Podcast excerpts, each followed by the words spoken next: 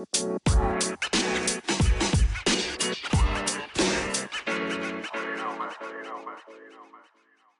lieve mensen, welkom bij de Back to Blue podcast. De podcast waar we samen terugkeren naar onze blauwdruk, naar de zuiverste en puurste versie van onszelf. De versie die we bedoeld waren om te zijn. Wil je je leven omgooien? Heb je het gevoel dat je een stuk van jezelf kwijt bent? Kom dan met me mee. Terug naar de beste versie van jezelf. Er was eens heel lang geleden een meisje uit Lummen dat voor zes maanden naar Engeland trok om te studeren. Niet veel mensen weten het over mij, of het is al zo lang geleden dat ze het ondertussen vergeten zijn. Maar ik heb dus een half jaar in Engeland gestudeerd. Ik ben zes maanden weg geweest, zonder ook maar één keer terug naar België te komen. En dat is heel vreemd voor mij. Ik was als kind echt een angsthaas. Ik wou nooit ergens gaan logeren ik kreeg dan ook gewoon zo'n buikpijn midden van de nacht dat die mensen waar ik logeerde me s'nachts van miserie terug naar huis moesten brengen. In een pyjama. Het was dan ook heel verwonderlijk toen ik in mijn derde jaar van mijn studies mij opgaf voor een uitwisselingstraject om daaraan mee te doen. En ik zat toen al wel heel wat jaren op kot. Dus ik was al heel zelfstandig en zo. Maar toch, hè, naar het buitenland trekken voor zo lang. Ja, dat was toch nog eens even iets anders. En ik had al zo in mijn, in mijn hoofd, van achter in mijn hoofd zitten van... Gelukkig is dat niet zo ver en ik kan altijd naar huis komen als ik dat wil. De meeste plaatsen voor dat uitwisselingsproject waren voor Zweden. Dat interesseerde me absoluut niet. Nee, ik wou naar Engeland. Dat was het enige waar ik naartoe wou, want ik was echt een heuse anglofiel. Al vanaf mijn zestiende reisde ik elk jaar wel een paar keer naar Londen. Ik was totaal geobsedeerd door Engeland. Dus ik ging studeren in Liverpool. Toen ik mij daarvoor opgaf voor de uitwisselingstraject, had ik echt het gevoel van ik bluff me hier doorheen. Hè, door al die testen, door al die interviews en zo. Want eigenlijk had ik veel te veel schrik. Ik bekeek het eerder als een avontuur. Alsof ik dat in een boek ging lezen, een soort wilde fantasie. En ik had helemaal nog geen idee of ik wel echt zou durven vertrekken als het moment er was.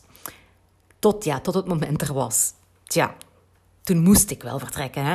Toen was dat opeens de realiteit. Koffers pakken, de boot op en bye bye Belgium. Ik, dacht, ik, ik was samen met een heel goede vriendin wel. Dus wij met ons tweetjes en wij gingen de wijde wereld in. Nu, wanneer leer je jezelf echt kennen? Dat is een vraag aan jullie, ja. Inderdaad, als je zoiets doet wat nog niemand eerder in je familie heeft gedaan. Ik ben de jongste thuis. En eigenlijk was heel mijn leven tot dan toe een herhaling van alles wat mijn broer beleefd had. Hè. Ik uh, ging naar het eerste studiejaar, mijn broer had het al gedaan. Ik ging naar het eerste middelbaar, mijn broer had het al gedaan. Ik ging studeren, ik ging op kot, mijn broer had het al gedaan. Maar nu ging ik dus aan voor het eerst iets doen wat mijn broer nog niet gedaan had. Ik ging een half jaar weg. En dat was ook iets waar een hele familie met verbazing op reageerde. Van wauw, zo lang weg, alleen, studeren in het Engels. En toen ik dat deed, kon ik eindelijk alle etiketjes van mezelf, die aan mezelf hingen afgooien. Want niemand kende me daar en ik startte volledig met een schone lei. En dat is iets wat ik iedereen toewens, die kans om minstens één keer in je leven dat te doen, ergens te gaan waar niemand u kent, zodat je echt kan zijn wie je zelf bent. En zo leer je jezelf ook echt kennen. Zo ga je terug naar je instinct, naar je diepste wezen, als je helemaal op jezelf bent toegewezen, dan ontdek je een, een soort kracht in jezelf.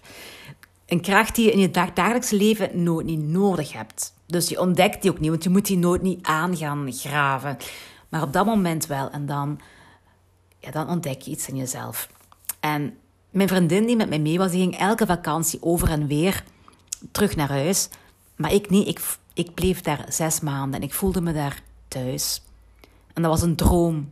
Dat was echt een droom. De hele dag Engels praten. In het Engels denken. In het Engels dromen. En als ik nu die papers terugzie van die tijd, denk ik van wauw, ik kon echt wel Engels. Wat ik toen allemaal opschreef in het Engels, eigenlijk al die lessen in het Engels. Beter dan nu. En nu ben ik leerkracht Engels. Hè? Ja, dat heb je bij Anglofielen, die worden leerkracht Engels. Het was daar ook zo anders. Ik mocht daar mijn eigen vakken kiezen. En ik koos het genre uh, ik koos het vak gender en genre. Dat was een van de vakken. Ik mocht er vier of vijf uitkiezen. Maar ik had er één vak dat twee vakken, eigenlijk de, de duur van twee vakken was. Een, een, een, ehm, een, een vak dat gewoon veel meer modules uh, inhield. Dus ik had vier vakken en één dat was gender and genre. En dat is waarover de podcast nu gaat. Want die, dat was een cursus die ging helemaal over westerns. Dus over films. En een heel deel bekende westerns werden daar tot op het bot ontleed. En daar leerde ik hoe een verhaal, hoe een goed verhaal in elkaar zat. En elk goed verhaal, elke western die je ook maar kunt bedenken, of ontzettend veel films en tv-series, elk goed verhaal begint met iemand die alleen is en die iets nieuws gaat ontdekken. Dus iemand die alleen is omdat hij iets heeft meegemaakt. Die heeft meestal een verleden. En vanuit dat verleden stapt hij in het begin van de film ergens nieuw binnen. En ik zweer het u, hè. ik zat gisteren in de cinema. Ik keek naar The Croods 2, de tweede film van The Croods, de goede film trouwens. Maar hoe begint hij? Iemand helemaal alleen op de wereld. Bam! Zo'n cliché als maar kan. Ik heb een boek geschreven. Hoe denk je dat die boek begint? Ja, inderdaad. Mijn boek begint ook met iemand die helemaal alleen aan het sterven is. Hè. Uh, dat is een ander verhaal. Waarom intrigeert het ons zo dat gevoel van iemand die daar helemaal alleen aankomt? Want daarom begint elke film zo, of, of ja, bijna elke film zo. De makers weten dat het de kijker intrigeert als iemand ergens helemaal alleen toekomt, niemand kent, moet gaan ontdekken. En waarom denk je, waarom intrigeert dat ons zo? Omdat daar moed voor nodig is. En wij kijken allemaal naar wat graag mee, naar hoe iemand zich moedig gedraagt. Of beter nog, hoe iemand in zichzelf, misschien zelfs onverwacht, de moed vindt om iets te gaan doen, om iets te ontdekken, om iets te ervaren. En denk maar eens bij jezelf na, of let er eens op als je tv aan het kijken bent. Wanneer staat jij aan? Wanneer zit je op het puntje van je stoel? Alwel, als het personage moed nodig heeft. Dan zit jij mee te kijken en tot je grote opluchting vindt dat personage net op tijd de moed om iets te doen wat hij moet doen. En dat vinden wij zo bijzonder. En waarom? Dat is onze grootste angst. Dat we die moed nodig hebben en die niet kunnen vinden. Dat is de grootste angst van, wij, van ons als mensen. Onze hersenen zijn geprogrammeerd om angstig te zijn. Want zo beschermen we onszelf. Als we angst hebben, dan gaan we veiligheid opzoeken. En we zijn als mens altijd op zoek naar geborgenheid en veiligheid. We weten dat de wereld gevaarlijk is. We weten dat we ieder moment, iedereen komt als een moment tegen dat hij in een gevaarlijke situatie komt en dat je jezelf moet gaan overtreffen. Dat je die moed nodig hebt. En daarom kijken we daar zo graag naar. Daarom kijken we graag mee, daarom vinden we dat zo fascinerend, daarom intrigeert het ons zo dat gevoel van iemand die moed heeft en dat vindt. En laat dan nu net de momenten zijn in ons leven dat we het meest leren over onszelf. De momenten waar we het meeste, met, met de meeste trots op terugkijken achteraf. De scharniermomenten in ons leven. De momenten waar dat we moed nodig hebben. Als je op die scharniermomenten terug in je grot kruipt op zoek naar veiligheid, dan loop je je beste avonturen mis. Maar hè, we zijn geprogrammeerd om veiligheid op te zoeken. Dus eigenlijk moedig zijn is niet zo gemakkelijk. En ook bij mij, mijn beste momenten in mijn leven en de momenten waar ik nu het meest trots op terugkijk, zijn die momenten waar ik moed voor nodig had. Zoals naar Liverpool gaan voor zes maanden. De beste tijd uit mijn leven. Zoals kiezen voor uh, bam, moeder te worden. Hè? Voor helemaal alleen voor het ouderschap te gaan. Al die dingen, daar was moed voor nodig. Maar dat zijn ook de beste momenten. En die hebben mij getekend. Die zijn, die hebben mij gemaakt wie dat ik nu ben. En als jij vastzit in je leven, als je het gevoel hebt dat je leven maar zo'n beetje vooruit kabbelt, zonder dat je er excited van wordt en als je je begint af te vragen, is het dan nu, is dat nu het leven? Dan ben jij op zo'n scharniermoment. Want ergens heb je andere dromen voor jezelf. En je onderbewustzijn spoort je aan om jezelf en om het leven te gaan ontdekken. Aan de andere kant zijn er uw hersenen die u blijven naar veiligheid doen toeleunen. En dan heb je moed nodig. Moed is, ondanks je angst, iets doen wat je wilt of wat je nodig vindt. En moedig zijn, dat kost energie. Het is zeker niet altijd makkelijk. Dus ik ga je nu enkele tips geven waarmee het beter lukt, zodat jij jezelf kan gaan ontdekken. En dat jij zeker kan zijn dat je de moed kan hebben om te doen wat er eigenlijk diep in jezelf aan het borrelen is. Als je het gevoel hebt van er zit iets in me en het, ik weet niet wat, maar er zit iets en het moet er nog uit voordat ik sterf, dan zit je op zo'n scharniermoment. Oké, de eerste tip die ik u geef is kies bewust. Ik kan misschien wel tien dingen bedenken die ik kan doen waar ik moed voor nodig zou hebben. Maar moed groeit niet aan de bomen. Hè? Je hebt ook niet zeven dagen op zeven de energie om iets te doen waar je moed voor moet aanboren. Dus bedenk eerst goed of de situatie waarvoor je moed verzamelt, jouw energie waard is. Is het echt de moeite waard? Naar Liverpool trekken was voor mij de moeite waard. Dat was een droom. Dat was iets waar ik voor leefde. Dat was mijn passie. En als ik nu naar Zweden was moeten gaan, had ik mijn plaats gerust afgesteld aan iemand anders. Want dat interesseerde me niet. Maar naar Engeland gaan, daar zou ik mijn moed voor overwinnen. Dat was mijn nieuwe thuis, dat was mijn droom. Dus kies bewust. Als je ergens voelt van ik heb moed nodig, is dat geen waar je voor wil gaan of is er nog iets anders wat belangrijker is? Ga dan eerst voor dat belangrijke, want anders is je moed misschien op of uitgeput voor je aan de ander begint. Een tweede tip die ik geef is zelfzorg. Goed voor jezelf zorgen. Waarom? Nu, als je moedig wil zijn, dan moet je met angst kunnen omgaan. Moed bestaat niet zonder angst. Dan heb je geen moed nodig als je geen angst hebt. Nu, hoe beter je voor jezelf zorgt, hoe groter uw reserve is. Dus als je, als, dan moet je goed voor jezelf zorgen om je belastbaarheid te vergroten. Je kan, gaat meer aankunnen. Als je beter voor jezelf gezorgd hebt. Als jij al op, als jij al op het laatste van je krachten zit, dan gaat je geen moed meer kunnen aanboren. Dan heb je dat niet meer. Je moet echt zo goed voor jezelf zorgen dat je die energie hebt als het nodig is. De derde tip is zoek naar jouw pad, naar jouw weg.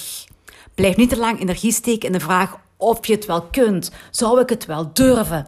Dat is niet de vraag die je moet stellen. Dat is een denkvraag, een veel voorkomende denkvraag, denkfout, bedoel ik, die je verlamt. Zou ik dat wel doen? Zou ik dat wel kunnen? Zou ik dat wel willen? Zou ik dat wel durven? Zou ik dat wel... Daar raak je nergens mee. Dus die vraag is overbodig. Hè? Delete. De vraag die je moet denken is: hoe zou ik dat doen? Dus bedenk hoe je jezelf kunt voorbereiden en ga over tot actie. Dus toen ik de kans kreeg voor die uitwisseling naar Liverpool, van naar Engeland te gaan voor zes maanden, ik ging mezelf niet afvragen, durf ik dat wel? Want ik wist dat ik dat niet durfde. Als ik mij die vraag had gesteld, dan was ik niet gegaan. Dus nee, mijn vraag was, oké, wat moet ik doen? Waar moet ik naartoe gaan? Waar moet ik mee inschrijven? Wat moet ik... Ja, dus mijn vraag was naar de weg die ik zou nemen en niet of ik het wel zou doen. Dus dat is tip 3. Tip 4 is maak het kleiner. Eén stap zetten is niet zo eng als een hele berg beklimmen. Eigenlijk pure mindfulness. Ja? Je richt je op het hier en nu. Je, je kijkt vooruit zodat je de situatie kunt overzien, maar daarna laat je die situatie los en richt je je gewoon op het huidige moment en de eerstvolgende stap die je moet zetten. Toen ik naar Liverpool ging, ik dacht alleen maar Oké, waar ga ik me inschrijven? En dan, oké, waar moet ik een test doen? Oké, waar is mijn interview dat ik moet doen? Dan ga ik, als het één keer zover was, oké, ga ik mijn koffers uh, pakken. Ik ga me puur concentreren, 100% op die koffers pakken. Wat moet ik, heb ik daar nodig? Was klimaat daar? Puntje, puntje, puntje. Ik zou mij absoluut niet voorstellen, terwijl ik die koffer aan het pakken was, hoe het daar zou zijn. dat was een stap te ver. Dan zou ik verlamd geraakt zijn door angst. Ik concentreerde mij op de eerstvolgende stap. Dus maak het kleiner, stapje per stapje en denk niet aan het geheel. Weet dat het geheel er is, maar laat dat los en denk gewoon aan de volgende stap. Tip 5. Geloof je gedachten niet. Ah nee, want je gedachten zijn angst. We zijn geprogrammeerd om angstig te zijn. Want hey, als ik naar Liverpool ga, moet ik als de zee over. Hè? U, we zijn mensen, dus de bedoeling is dat wij dat niet gaan doen, want dat is gevaarlijk. Ja? Die angst is normaal, die nare gedachten, dat zijn ook geen feiten, geen waarheden. Toen ik naar Liverpool ging, liet ik mezelf niet nadenken over hoe het daar was in Liverpool. Het enige wat ik wist was dat de Beatles vandaar waren. Meer wist ik niet. Ik ging me echt niet voorstellen in wat voor een slechte accommodatie ik misschien wel terecht ging komen. En hoe ik misschien wel bestolen en verkracht ging worden. Je, ja, dat heeft geen nut om daarover na te denken. Want dan doe je dat niet, hè. Die angst en die nare gedachten, dat zijn geen feiten. Dat gebeurt niet. Dat gebeurt op tv, maar dat gebeurt niet bij jezelf. Dus stop dan gewoon met daarover na te denken. Je weet dat, je dat, niet gaat, dat dat je niet gaat helpen. En vroeger dacht ik, als ik maar van het slechtste uitga, dan kan ik niet teleurgesteld zijn. Oké, toen kende ik dus nog niks van de wet van de aantrekking. Ik trok altijd het slechtst mogelijke aan. Ik was precies geboren uh, voor pech te hebben. Wel, dat doe ik dus niet meer. Hè? Elke gedachte die in mijn hoofd komt, die mij niet dient, die mij niet verder helpt, die mij niet voorbij mijn angst helpt, die, die ban ik gewoon uit mijn hoofd. Delete, point, weg. Je kan gedachten zien als een concept dat je kan onderzoeken. En je kunt jezelf afvragen of je 100% zeker weet dat de inhoud van je negatief gedacht eigenlijk wel klopt. Is dat zo? Ga ik daar bestolen worden? Ga ik daar verkracht worden? Oké, we weten dat niet, dus delete, point, weg. Tip 6, de laatste tip, is anders met angst omgaan. Ik weet, ik ga naar Liverpool ik weet dat daar angst is. Ja, die angst is er nu eenmaal. Dus ik neem daar afstand van, waardoor ik rustiger kan worden. En dat is niet iets wat je de ene dag op de andere kunt. Dat leert je door te leven, door, door vaak buiten je comfortzone te gaan. Want die oefening, dat baart kunst. Eigenlijk is dat mindfulness. Uit je hoofd komen, niet aan die angst denken. Als je weet dat je iets gaat doen waarvoor je angst hebt, dan weet je ook dat die angst er automatisch zal zijn. Dus daar moet je voorbij. En ik bekijk dat een beetje als het donkere stuk in de coulissen. Ja, ik heb veel toneel gespeeld, ik heb musical gedaan, ik heb eh, opgetreden. Als je op het podium gaat, dan kom je eerst uit de backstage, waar het gezellig is, waar mensen zitten te babbelen, waar te drinken is, de green room enzovoort. Hè. De backstage is leuk, en dan stap je de grote deur, de deur van de, van de studio of van, de, van het theater binnen. En dan kom je in de coulissen en daar is het donker. En daar moet je stil zijn. En daar, daar is de spanning is daar te snijden. En dan ben je zo zenuwachtig. En dan moet je die eerste stap op dat podium zetten. En vlam. Eens je op het podium bent en die schijnwerper staat op u dan komt er in u een andere identiteit naar boven. Iemand die precies weet wat hij moet doen, wat hij moet zeggen. Alle angst en alle spanning vallen van u af. En dan begint je te genieten. En wel, die coulissen, dat donkere stuk ertussen, dat donkere stuk vlak voordat je gaat genieten, dat, is, dat zie ik als het stuk waar je moed voor nodig hebt. En als je één keer voorbij die moed bent, voorbij dat donkere stuk, voorbij die coulissen, dan weet je dat daarachter, als je die moed voor hebt gehad, je hebt die nodig gehad, je bent daar voorbij, daar wacht de beste versie van jezelf. En die zal het daar overnemen. En dan gaat je genieten. Laat dat maar even verteren.